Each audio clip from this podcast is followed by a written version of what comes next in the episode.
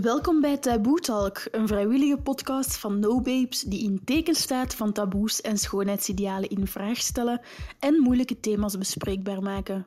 Heb je zelf een verhaal dat je wilt delen met onze luisteraars? Surf dan snel naar www.nobabes.be schuine streep join streepje us of stuur ons een berichtje op Instagram naar taboetalk.nobabes en wie weet zit jij binnenkort bij ons hier in de studio. We connect by standing out.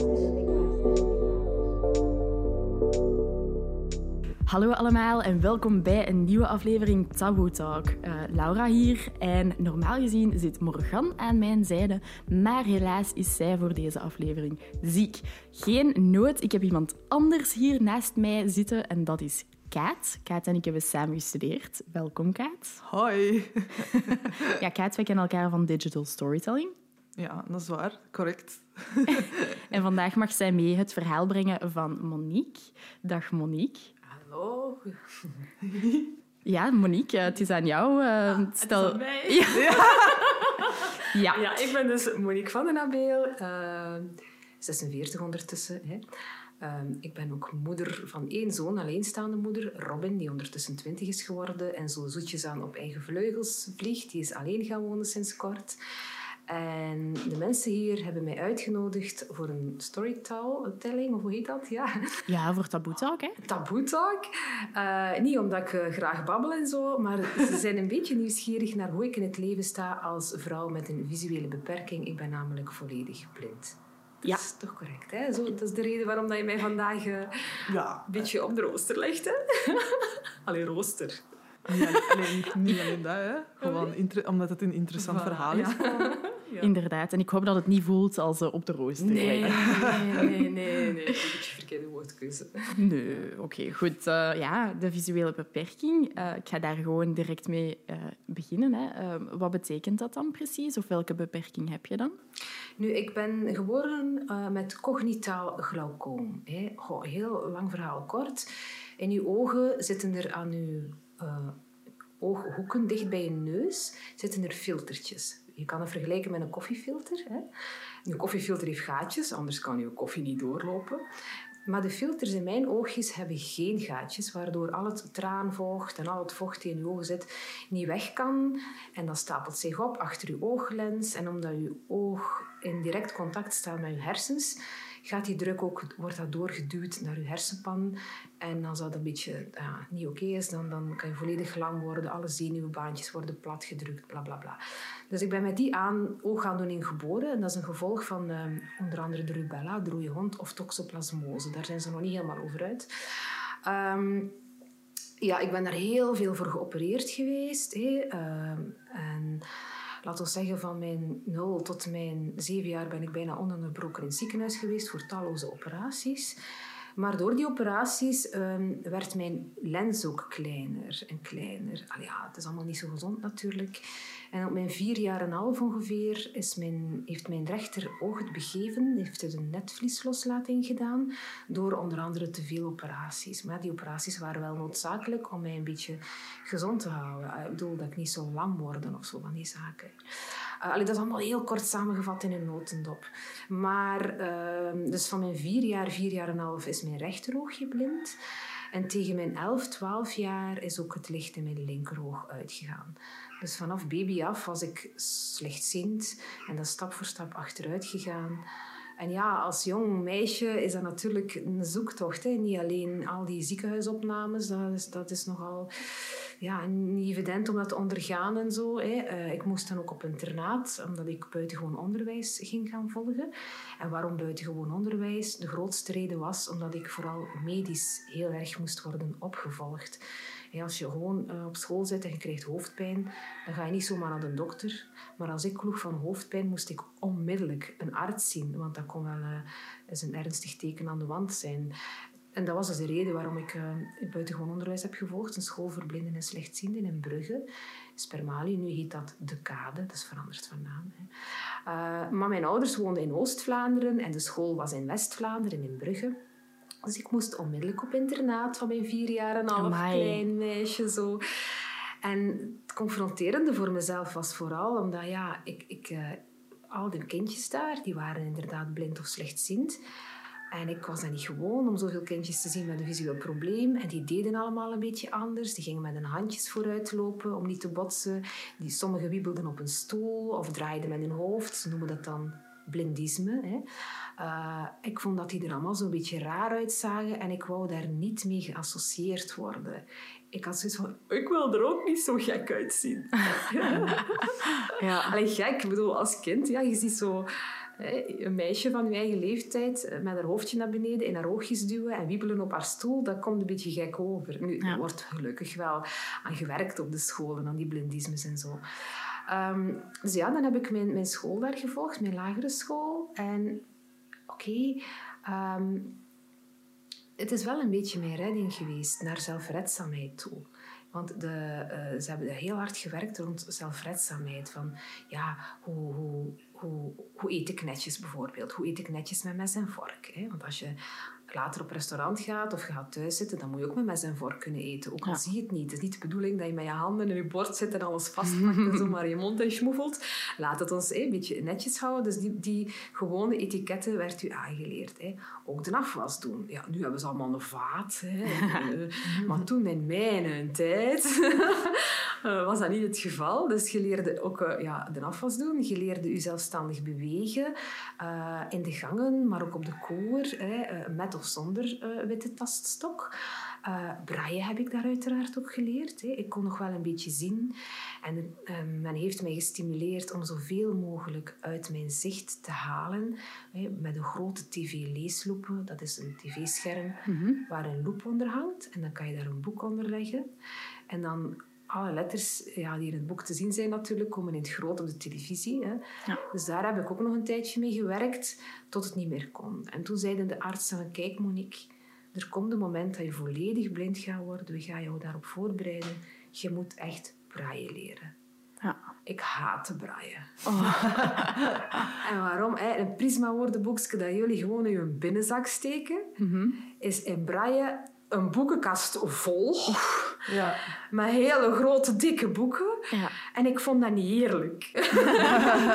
ja. Ik had zoiets van, als ik een woordje wil gaan zoeken, dan moet ik eerst zoeken eh, welke band. En, en dan echt waar, ik vond het verschrikkelijk.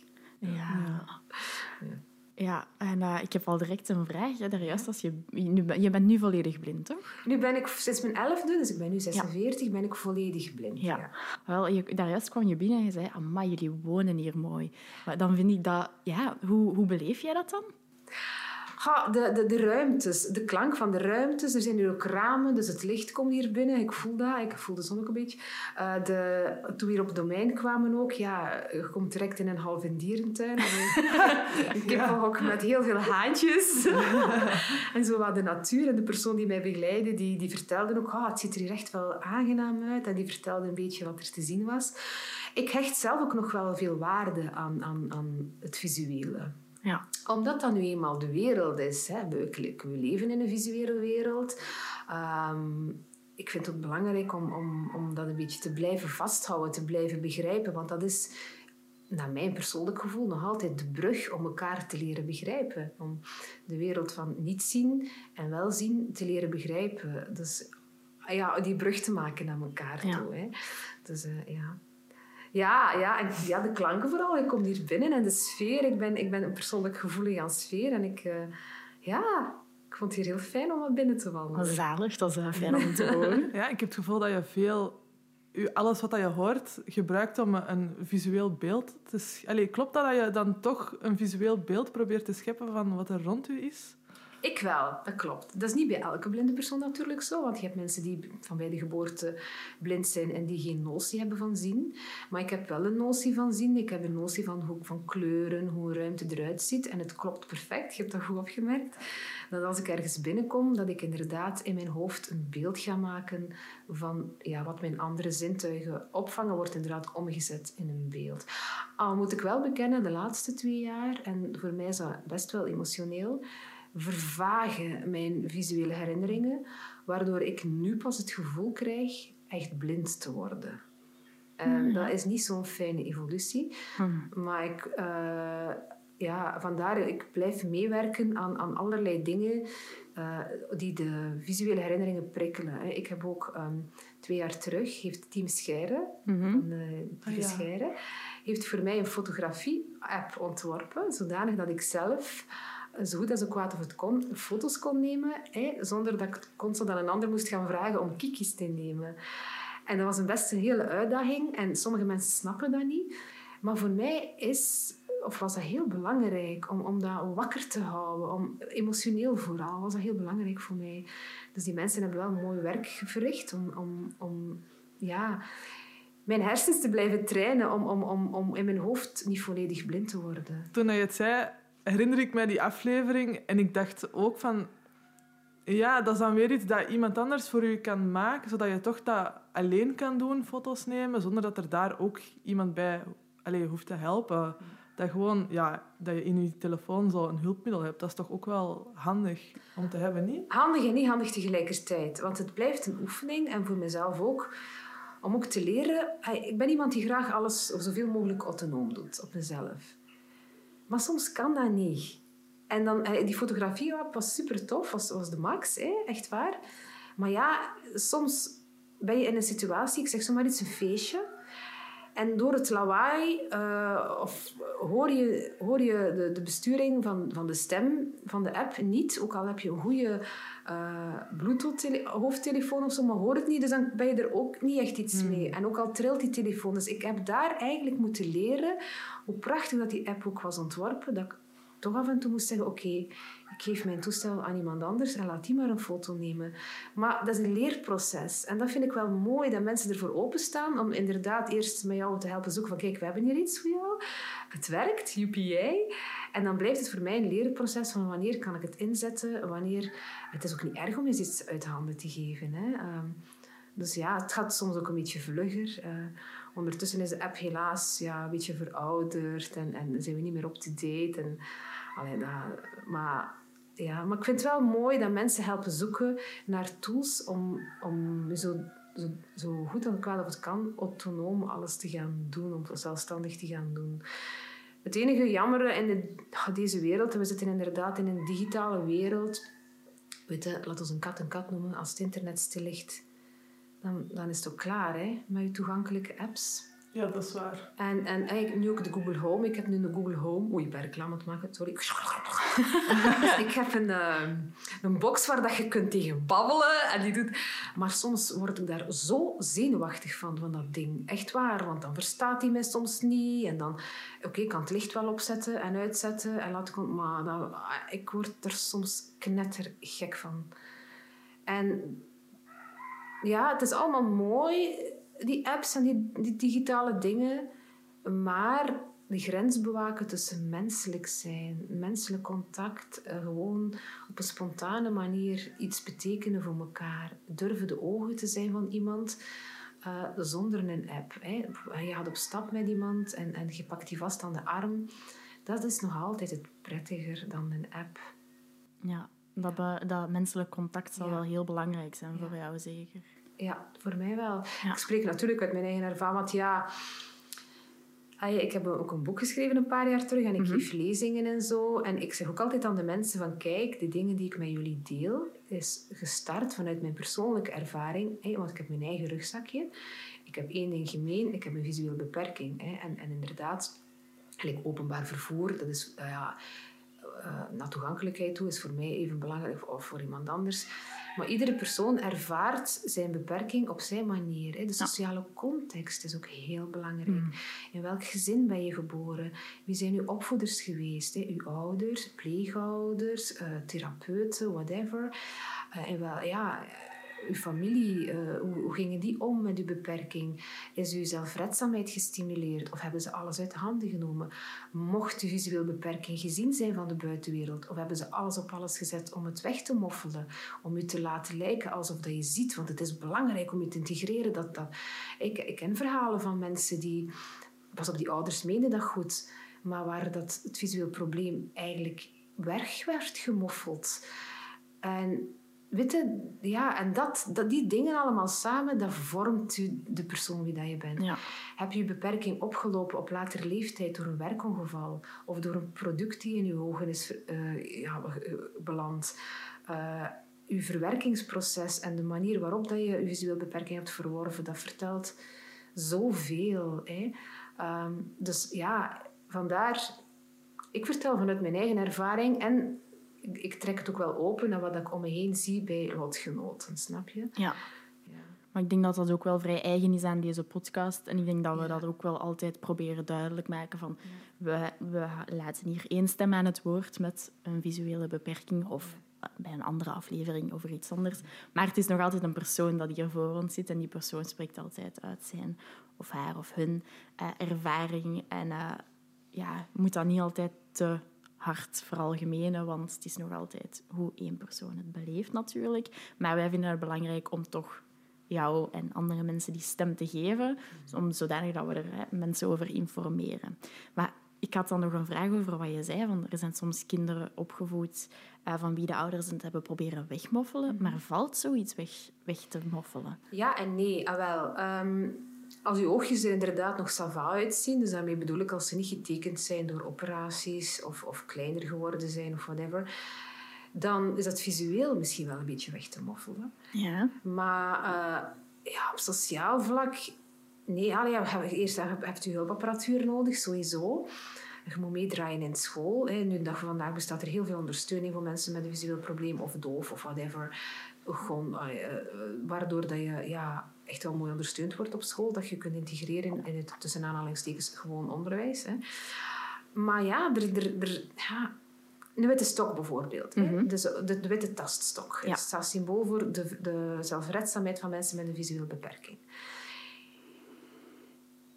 Vooral slechtziende mensen. Ik, eh, ik ken ook een meisje die, die heel jong is.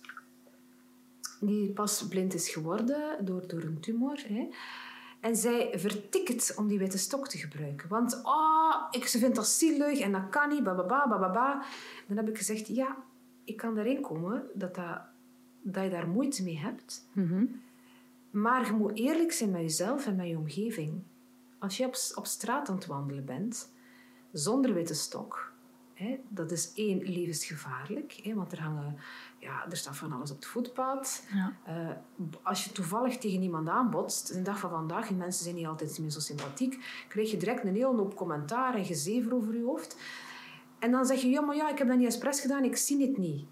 En dan ben je kwaad op die persoon, omdat, die denkt, omdat je dan denkt van, ja, maar ja, hoor, allee, weet wel, je gaat zo helemaal in je hoofd. En dan heb ik zoiets, ja, maar als je een signaal, een gele stok hebt, voor slechtziende mensen bijvoorbeeld, om te duidelijk te maken in het verkeer van, kijk, ik zie niet zo goed, maar ik kan nog wel gewoon wandelen. Of met die witte taststok, hè, dan is dat voor iedereen helder waarom dan bepaalde handeling gewoon gebeurt. Waarom dat je bijvoorbeeld ja, te laat hebt opgemerkt dat er iemand voor je stond omdat er heel erg veel lawaai was en dat je een botsing hebt gedaan. Je ziet die persoon niet staan. Ehm, of bij het oversteken bijvoorbeeld, dat mensen iets meer ja, geduld hebben om u, om u rustig te laten oversteken. Hè? Want ze zien aan die witte stok, oké, die persoon is zich aan het concentreren, die wil hier veilig de weg oversteken. Ehm, ik vind dat belangrijk. Dat is uw verantwoordelijkheid nemen voor uzelf, maar ook voor de mensen om je heen. Is het oké dat mensen dat massakkeren en doen en dat ze effectief een signaal nodig hebben om te zien... Ja, dat laat ik in het midden. Nee, ik vind dat je eigenlijk altijd vriendelijk moet zijn tegen elkaar. Los, je hoeft niet altijd een symbool te tonen. Maar als het gaat in het verkeer, over het verkeer, dan moet je gewoon eerlijk zijn. Ook naar verzekeringen toe. Allee, je moet, moet, je moet het voor jezelf niet moeilijker maken dan het is. Hey, bijvoorbeeld naar de winkel ook. Hetzelfde verhaal van dat jong meisje. Ze was mijn verhaal aan het vertellen. Ja, ik wil alleen in de winkel, in de supermarkt rondlopen en mijn boodschappen nemen. Oké, goed, doe maar. Als dat lukt voor jou, als je dat nog voldoende kan zien. Ja, maar ja, eh, als ik dan iets uit de rekken haal, ik moet dan heel dichtbij kijken en soms stoot ik iets omver en dan zijn de mensen kwaad op mij. Of dan komt er een heel drama en dan begin ik mij kwaad te maken van ja, maar ik zie dat niet goed. Ik zeg, oké, wacht, stop, halt. Ik zeg, wat vind je van het volgende scenario? Je gaat naar de kassa, je vraagt aan de bediende van kijk, ik wil mijn boodschappen doen, kan er mij iemand as- assisteren in de winkel? En die persoon gaat mee, dat doen ze wel vaak, is zeker in die kleine supermarkt, gaat mee naar het gezegd van kijk, ik heb dat nodig, dat product. En die persoon brengt u naar het juiste rek. Je vraagt dan die persoon om het uit het rek te halen. En als je het wil bekijken, goed. Er gebeurt niks. Je hebt op een vlotte manier je, je, je productje gevonden. Je vraagt nog eens extra info als het nodig is. Je gaat op een relaxe manier naar de kassa, je betaalt en je gaat naar buiten. Dat is, dat is scenario 1. Of inderdaad scenario 2, je moet heel veel moeite doen om, om de juiste, het juiste rek te vinden. Uiteindelijk vind je, vind je dat product. Oké, je gooit iets per ongeluk omver. Alles ligt op de grond, ze moeten het komen opkuisen. De focus is op u gericht. Welk scenario is nu eigenlijk, naar jouw gevoel, het, ja, waar ben je het meest zelfstandig op dat moment? Ja, als je hulp vraagt eigenlijk. Voilà. Eigenlijk ben je het meest zelfstandig op het moment dat je op een comfortabele manier voor jezelf eventjes assistentie vraagt. Maar dat is een hele moeilijke oefening. Dat is een proces waar dat je doorheen gaat. Hè. Echt waar, dat is een heel proces. En dat is zo persoonlijk ook. Hè. Ja. Ehm, ja, maar ik ben daar een beetje... Ja, ik ben een beetje een, uh, een oude rot in het vak. ik, ben, ik, ben, ik kan me voorstellen, Ja. want je bent blind geworden rond je elf. ja. En dan moet jij je puberjaren door. Ah ja. Ik, ik, ik wil nooit meer terug naar mijn 16 jaar. oh, dat kan ik mij voorstellen. Ik, had, ik, had, allee, ja, ik heb het ook in mijn boek beschreven. Hè, bijvoorbeeld, eh, ik heb het er vandaag over gehad met, mijn, met de persoon die bij mij was. Ehm, ik heb geen beeld over mezelf, een visueel beeld over mezelf. Hè. Ja. Eh, kledij kiezen, ik vond dat heel moeilijk. Ik was nooit tevreden, maar dat is bij elke puber. Dat heb ik ondertussen ontdekt Ja. bij mijn eigen kind. Eh, nooit tevreden met de kledij die in mijn kast lagen. Ik vond me altijd te dik in mijn kledij. Ik, mijn kapsel trok op niks. En allee, ja, weet je, ik was nooit content. En dan had ik een opvoedster op internaat die begreep dat. Dat dat voor mij een, een, een moeilijke zoektocht was. Ik was er ook... Pas op, sommige van mijn vriendinnen waren daar niet mee bezig. Omdat dat ja, hun ding niet was. Maar ik, ik wel. Dat, ja, ik vond het belangrijk als ik naar buiten kwam dat ik er verzorgd uitzag dat mijn kledij netjes was. Oh, ik hoefde geen chichi-madame te zijn of zo. Of het hoefde geen merkkledij te zijn. Maar wel dat je... Ja, het is het eerste wat mensen zien. Hè? Dus verzorgd zijn. Nageltjes verzorgen, gelaat verzorgen, haartjes verzorgen. En zij is met mij toen ook naar de kapper gegaan. En ik heb zo'n klein beetje een langwerpige hoofd. Hè. En eh, die kapper ja, die heeft me toen heel secuur uitgelegd waarom ze bijvoorbeeld ervoor koos op dat moment om mijn, hoe noem je dat, een snit aan de rechterkant van mijn hoofd te leggen en dan mijn haar naar links te doen. Ja. En waarom dat ze het op een bepaalde lengte knipte. En dan legde ze mij uit hoe dat mijn gezicht uitkwam. Hoe dat... En ik kon me daar een beetje een beeld van. En dat deed mij goed dat ik die Ja. uitleg kreeg. Hè. Ook van kledij was dat voor een hele zoektocht. Want als jij met mij gaat shoppen eh, eh, ehm, en we komen thuis, jij gaat dat misschien prachtig vinden. Van wauw, je hebt dat knap gedaan. En ik kom dan hier in de studio en ik ben even uw naam kwijt. Kaat. Kaat zegt dan van... Ja. Ja, goh, het is leuk, maar ik vind het niet zo mooi eigenlijk. Dus iedereen heeft zijn smaak. En wat heb ik in al die jaren geleerd? Als ik een nieuwe jurk aan heb, of een nieuwe haarsnit, of whatever, en ik kom ergens binnen en mensen reageren spontaan van... hey, tof, je ziet er goed uit. Wat heb je een leuke jurk aan? Of wauw, wat heb je met je haartjes gedaan? Dan weet ik dat het goed zit. Ja. Als ik er moet naar vragen, dan gaan ze wel zeggen: ja, ja, inderdaad, is goed. Maar dat is anders. en Ja, het is niet simpel om, om, om... De mensen zijn uw spiegel. Ja. De mensen zijn uw spiegel. En, en ik, ik vind dat heel moeilijk. Hetzelfde met maquillage. Ik hou van naturel. Hè. Ik Mhm. maquilleer mij niet zoveel. Af en toe wel. Als ik naar een feestje ga... eh, ofwel doe ik het zelf, ofwel laat ik het doen. Maar ik ken jonge dames die 10, 10 15 jaar jonger zijn dan ik... Die, die, daar, die ook nog hebben gezien vroeger... Die daar heel hard mee bezig zijn. En die kost wat kost zichzelf willen kunnen maquilleren. En dat is goed, hè? Mhm. Dat is heel goed. Eh, allee, dat, dat is allemaal zo'n beetje een persoonlijk iets. Hè. Ja. Ja. Ja, ehm, dan kan ik mij ook wel voorstellen dat je heel erg ehm, sociale cues op kan pikken. Of heel erg, ehm, ja, als mensen interageren met jou, dat je heel erg veel informatie uit die interactie kan halen. Meer denk ik dan mensen die Ah, zien ja. soms, denk ik. Niet? Ik wel. Ik, Ja. ik haal er inderdaad... Ik vind het heel fijn dat mensen ook eerlijk durven zijn. Hè. Bijvoorbeeld als ik een vlek op mijn kleed heb, dat ze ook alles op een gênante plek, dat ze even in mijn oor komen fluisteren, maar dan weet ik dat tenminste. Eh, en inderdaad ook, ook tips van mensen. Hè. Ik neem heel veel op. Ik vind, ja, toch wel. Het is wel, nu ook hè, bijvoorbeeld, dat is een oefening vind ik. Ehm, hoe ver ga je mee in esthetiek? En waar blijf je bij je naturel? Waar ligt die grens? Bijvoorbeeld voor mijzelf, normaal gezien mijn rechteroog is heel klein, is ingevallen. En mijn linkeroog is heel groot. En ik heb normaal bruine oogjes. Uh, maar mijn linkeroog is, is... Ik heb nu mijn kleurlens in. Ah, ik dacht Als al. ik kleurlens uitdoe, is dat een blauw, grijs-blauw oog. En dan zie je effectief wel dat dat een ziek oog is. Hè. En mijn rechteroog is een, is een kunstoogje die rust... Dat is eigenlijk een soort van dikke lens die rust op mijn oog hè, in, in kunststof. En dat is mooi geschilderd en gedaan. Het ziet eruit als een echt oogje. Uh, en het draait ook mee omdat er rust op mijn oogje. Ik heb dat, vroeger had ik dat niet. Hè. En dan zag je inderdaad wel dat ingevallen oog en dat grote oog. Ja. Maar als ik op recepties kwam, of als ik ergens ja, in een groep kwam en je bent zo face-to-face aan het babbelen met iemand, ja, mensen kijken in je gelaat, ze zien onmiddellijk je visueel probleem en voor sommige mensen schrikt dat af naar communicatie toe.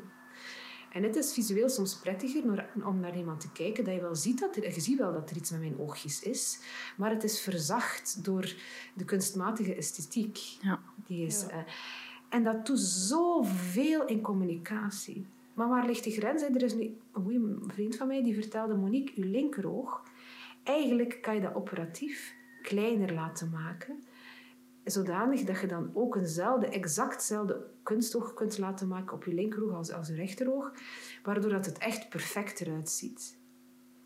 En dan had ik zoiets van, oh, waar ligt die grens? Want medisch is het voor mij niet nodig om dat oog kleiner te maken. Zou ik dat nu echt puur alleen maar doen omdat jullie dat prettiger vinden om zo naar mij te kijken? Ik vind dat, nee. Als dat medisch niet nodig is, vind ik dat voorlopig op dit moment voor mij ook niet nodig. Zie je, dat is, ik vind dat echt Ja. niet simpel. Er is wel ergens dan toch nog een grens Ja. voor jezelf of voor iemand anders. De naturel ook. Hè? Allee, en soms, soms, soms slaat de slinger een beetje over. Vroeger heb ik inderdaad vaak een auditie gedaan. En dan was er een probleem, omdat je het dan visueel niet mocht zien, dat ik een visueel probleem heb. En nu ik eigenlijk een beetje gekanteld ben en dat ik mijn best doe om, om dat visueel een beetje zachter te maken. Niet, niet weg te stoppen, maar zachter te maken. Dan is het nu van, ja, nee, nee, nu moeten we het wel zien. Want deze zomer heb ik meegedaan aan een sociaal filmproject. En daar heb ik mijn oogjes, mijn kunstoogjes moeten uithalen, want het was heel belangrijk in dat verhaal dat ze juist wel fysiek konden zien dat ik blind was. En dan ik Ja. zoiets oké, wat is dat hier nu allemaal? Maar ik vind het wel interessant dat je speelt met die twee dan. Je speelt met het, Ja. het zichtbaar maken en het Ja. dan iets minder zichtbaar maken. Dat vind ik vandaag eigenlijk heel leuk om te doen. Eh, en, en, en belangrijk ook voor mezelf. Het is zo vooral voor mezelf een evenwichtsoefening en op die manier ook de communicatie naar, naar de wereld om me heen. Ik vind dat een heel mooi thema om daar op een ongedwongen manier mee te spelen. Ja. Toch wel. Ja, met veel plezier. Ehm, want hoe dat je draait en keert, allee, ja, we hebben het er net gezegd, in ons geval dan, wij zijn gewoon drie madammen onder één. Mhm. Ja. En we hebben allemaal A, onze rugzak, ons Ja. verhaal, hè, onze thuis, onze, onze, onze miserietjes, onze happiness, ons van alles en nog wat. Ja, de ene heeft misschien een lelijke moedervlek op een heel ongemakkelijke plek. De andere heeft oogjes die een beetje raar kijken. Ah, iedereen heeft zowel iets, witte, of ja, je Ja, bent rost, je rosaar, whatever. Eh, of, of je hebt een kleurtje toevallig, omdat moeder je natuur een, ja, een ander pigment heeft gegeven. Eh, maar maar het, je zei in eerste instantie een vrouw. En we, we hebben allemaal uni, allee, universele dingen. Hè. We, we, we zijn een vrouw, we willen graag gegeerd worden, we willen graag aantrekkelijk zijn voor het andere geslacht. In de hoop dan toch iets op te bouwen met, met, met, met een mannelijk... allee, man of vrouw, met een... Exact, of voor hetzelfde geslacht. Ja. ja, maar we moeten opletten de dag van vandaag, wat ik allemaal zeg. Ehm, en, en ja, eh, ook moeder worden in sommige verhalen. Of gewoon een toffe job vinden waar dat je je goed in voelt. Maar ja, als je dan toevallig een kleurje hebt, dan, dan, dan worden daar soms op afgerekend. En dat is niet oké. Of als je toevallig oogstjes hebt die anders te kijken, dan zijn, krijg je aan, worden je kansen op een andere manier ingeschat. Eh allee, weet je, en Ja, dat vind ik... Dat blijft een oefening voor ons allemaal. inderdaad. Ja. En ehm, met welke vooroordelen krijg jij dan soms te maken als mensen jou zien? Uh, mensen gaan vaak, maar dat is uit onwetendheid. Hè? Ja. Ik vind dat helemaal... Allee, ik kan dat plaatsen. Ehm, mensen gaan rampscenario's bedenken in hun eigen hoofd. Zo van, oei, oei, stel nu dat ik blind was, ik, dan zou ik dat zeker niet kunnen. Hè? In, de tijd, in de tijd dat ik zwanger was ook, van... Oei, oei, oei, eh, allee, dat kan niet. Oké, blind zijn en mama zijn tot daar aan toe. Ik was toevallig ook nog alleenstaande moeder en dat was echt wel not done, weet je wel?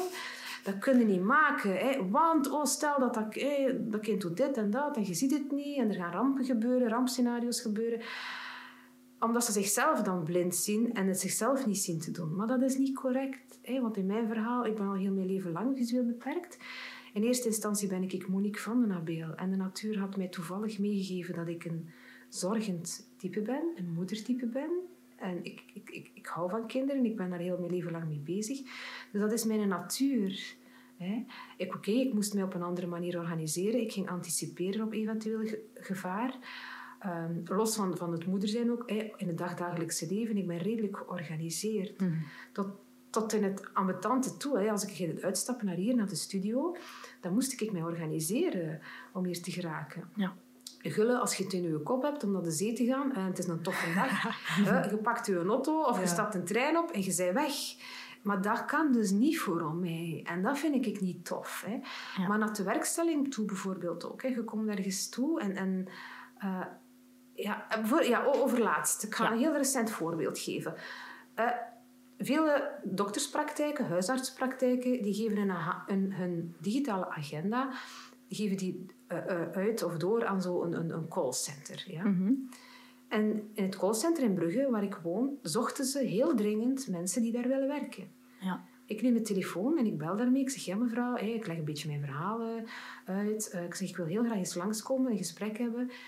Eh, en ik vertel ook dat ik een visueel probleem heb en dat ik werk met een braille-apparatuur, zo'n braille-leeslijn die aansluit op de computer en met spraak. En die twee dingen samen vertalen wat, wat er op het scherm van de computer te zien is. En dan was het, ah ja, nee, nee, dat kan niet. Ik zeg, oké. Ik zeg, begrijp dat je dat nu niet ziet gebeuren. Ik zeg, maar krijg ik de kans om het te komen testen? Om te, kunnen, om te zien of mijn apparatuur inderdaad compatibel is? Want het is tenslotte maar van tap naar tap gaan, veldjes invullen. Misschien lukt dat wel. Ja, maar ja, ik zie dat niet te doen. Ja, oké. Je ziet dat jezelf niet te doen. Maar ik... En dan word ik ambetant van. Dat Ja. mensen dat in Ja. uw plaats gaan invullen. Jij, gaat dat, jij kunt dat niet. Jij kunt dat niet.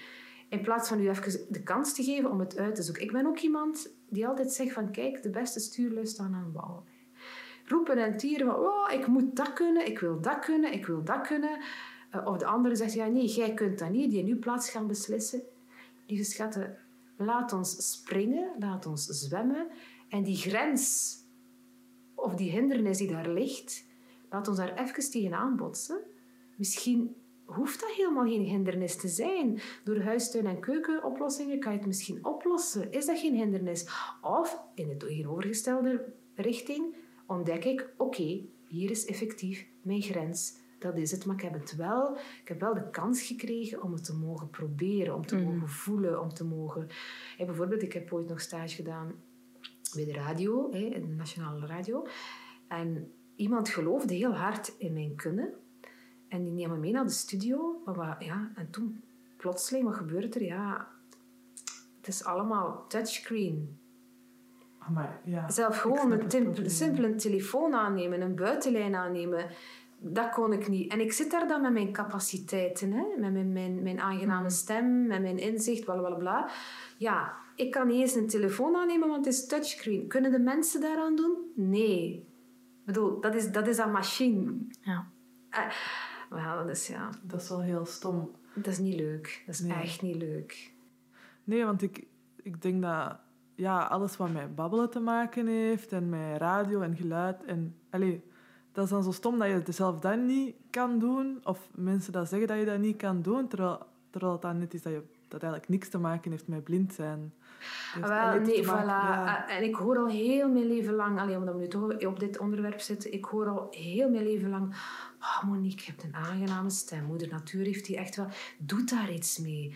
eh allee, je moet naar de radio gaan, of je moet daar naartoe gaan, of moet daar... Lieve schat, ik heb dat allemaal ondernomen. Maar als je constant op van alles en nog wat botst, ook al zoek je oplossingen, hè, bijvoorbeeld...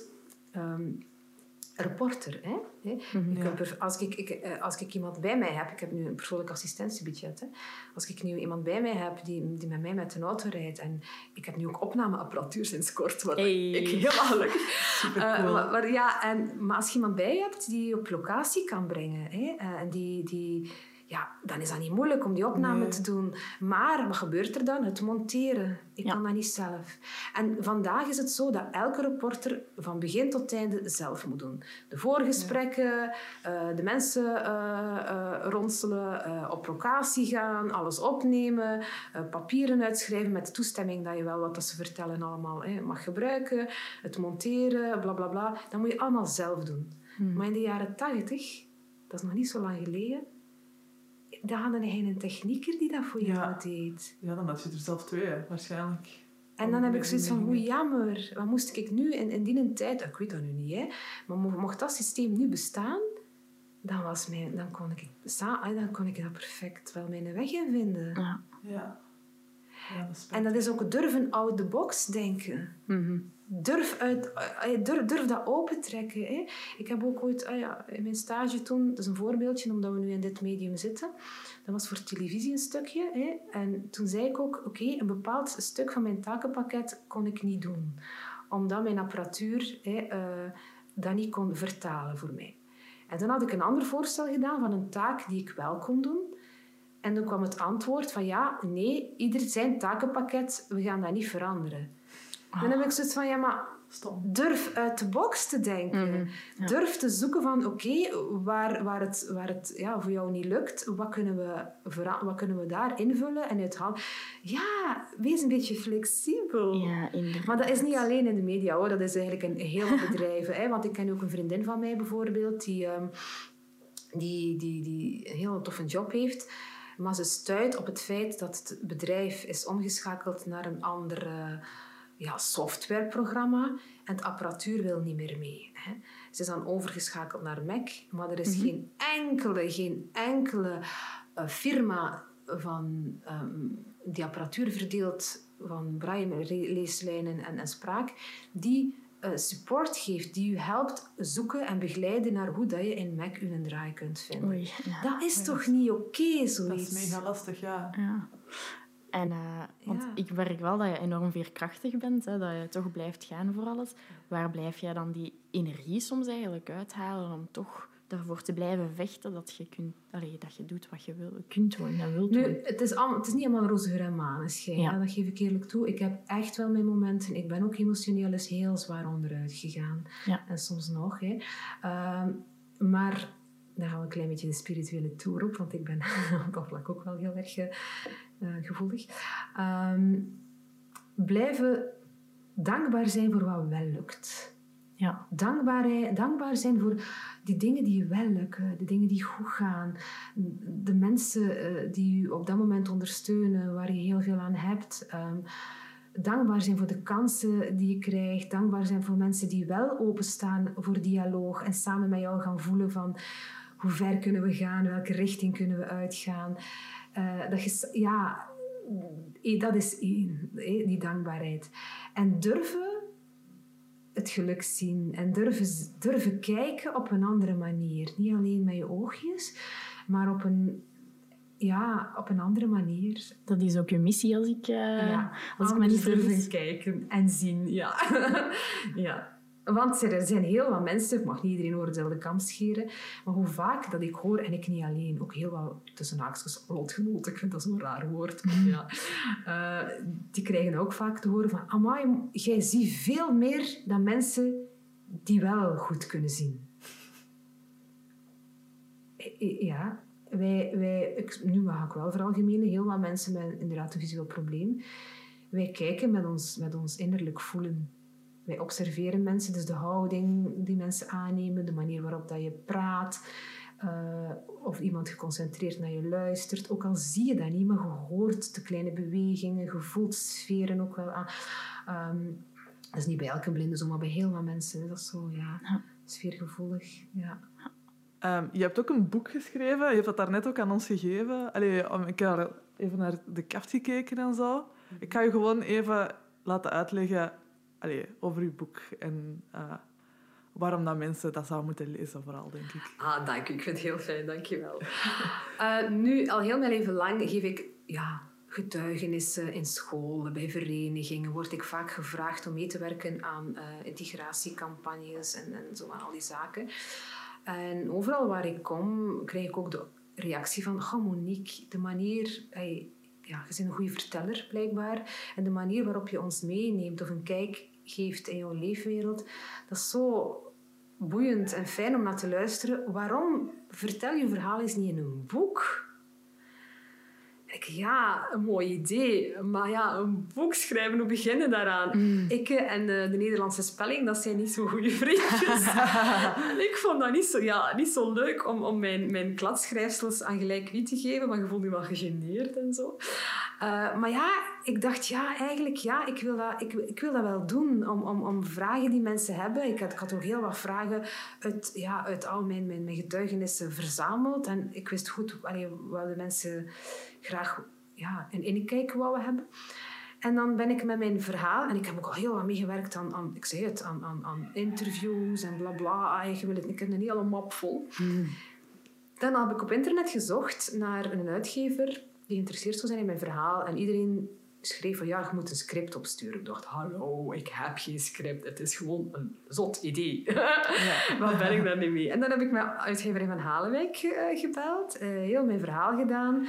Um, uiteindelijk in contact gekomen met mevrouw Lutrijmakers. En uh, toen ze mij ontmoette, was ze helemaal verkocht. Zegt ze, ja, alleen normaal hebben we heel veel aanvragen.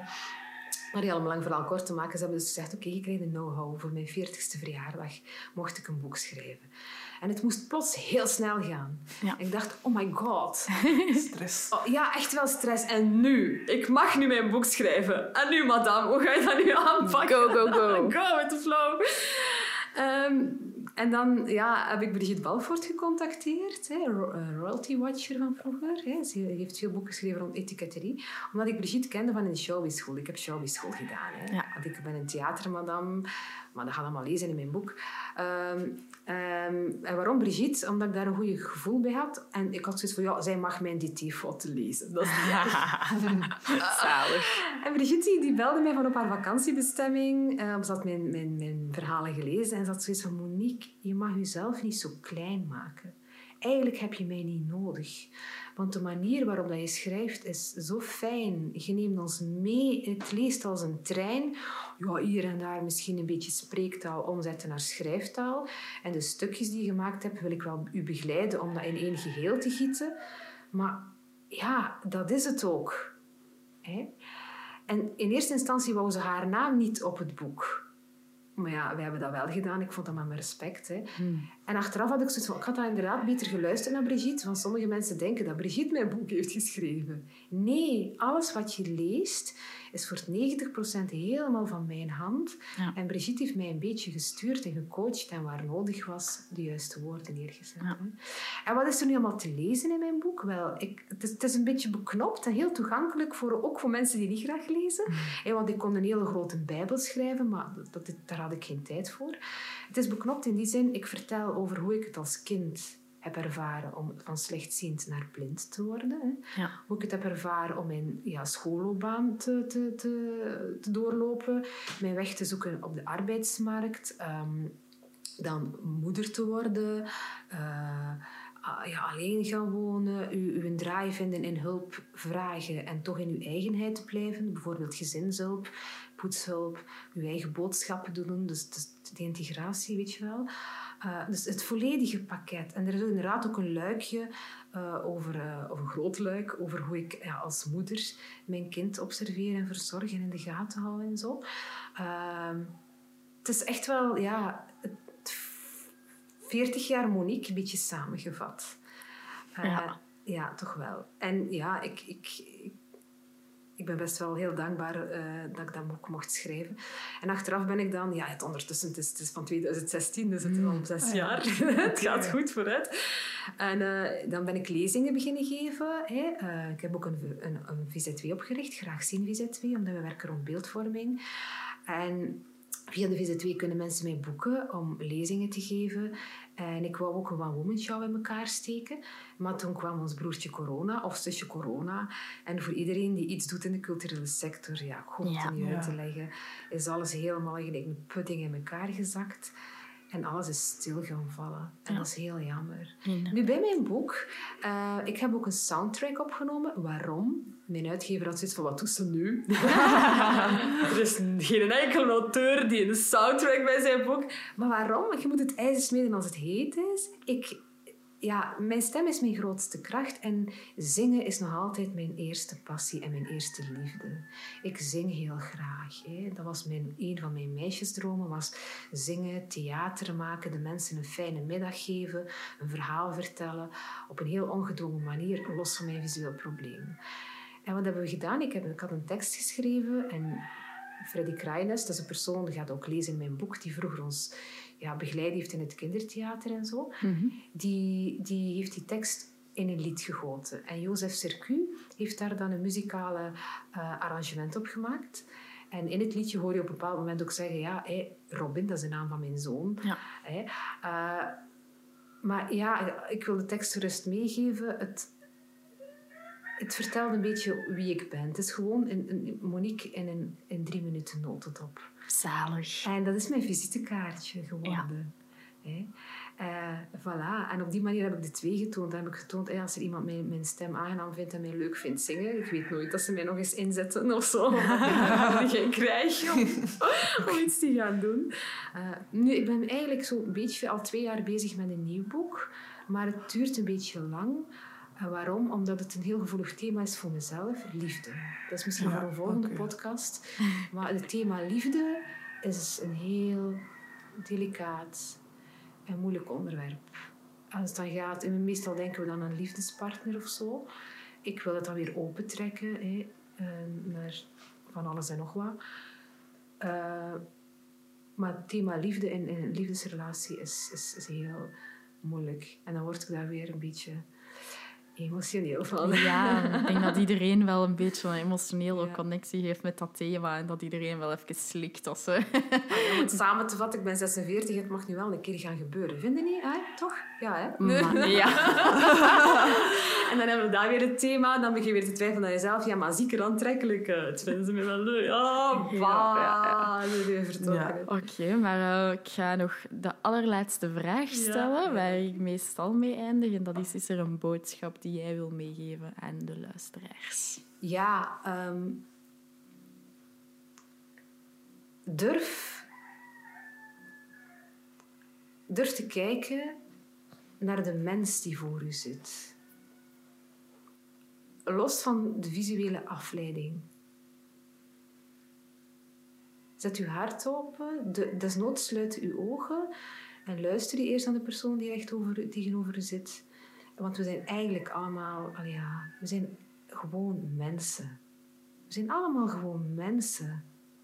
En we hebben allemaal ons verhaal en allemaal onze rugzak en allemaal ons... Maar we zijn in eerste instantie gewoon mensen. Dus ja, mijn boodschap is, durf anders te kijken en zien. Dat is mooi. Ik heb kippenvel. Ja. Dat is ook zo echt een slogan. Zo. Ja. Maar dat is eh, Monique haar, eh, haar missie, hè? Ah, Durf ja, anders ja. kijken. Ehm, ja, dankjewel Monique om hierbij te zijn vandaag. Eh, dank u Kaat om mijn co-host te zijn. En als je Kaat haar stem graag hoort, dan eh, luister zeker naar de volgende aflevering van Taboezaak, waar zij haar verhaal vertelt. En als je Monique ehm, beter wil leren kennen, koop zeker haar boek. Ja. doen hè. Ja, en misschien ook, eh, dat wou ik nog vragen, als mensen meer willen weten over jouw VZW, welke website kunnen ze dan bezoeken? www.graagzien.be. Voilà. Dus, www.graagzien.be. En ik heb ook een privé-website, maar dat is een beetje te lang. Moniquevandenabeel.com. ja, mensen gaan dat wel. Jawel, mensen gaan dat bezoeken. Dat is geen probleem. Voilà. Alright, nu heb je gehoord waar je iedereen eh, kan vinden. En dan hoop ik dat jij mij hoort tijdens de volgende aflevering van Taboe Talk. Doei! Doei! Heeft deze aflevering jou geïnspireerd en wil jij ons graag een steuntje in de rug geven? Deel het dan zeker op jouw kanalen en tag ons at en geef ons een follow op TikTok, Instagram of Facebook.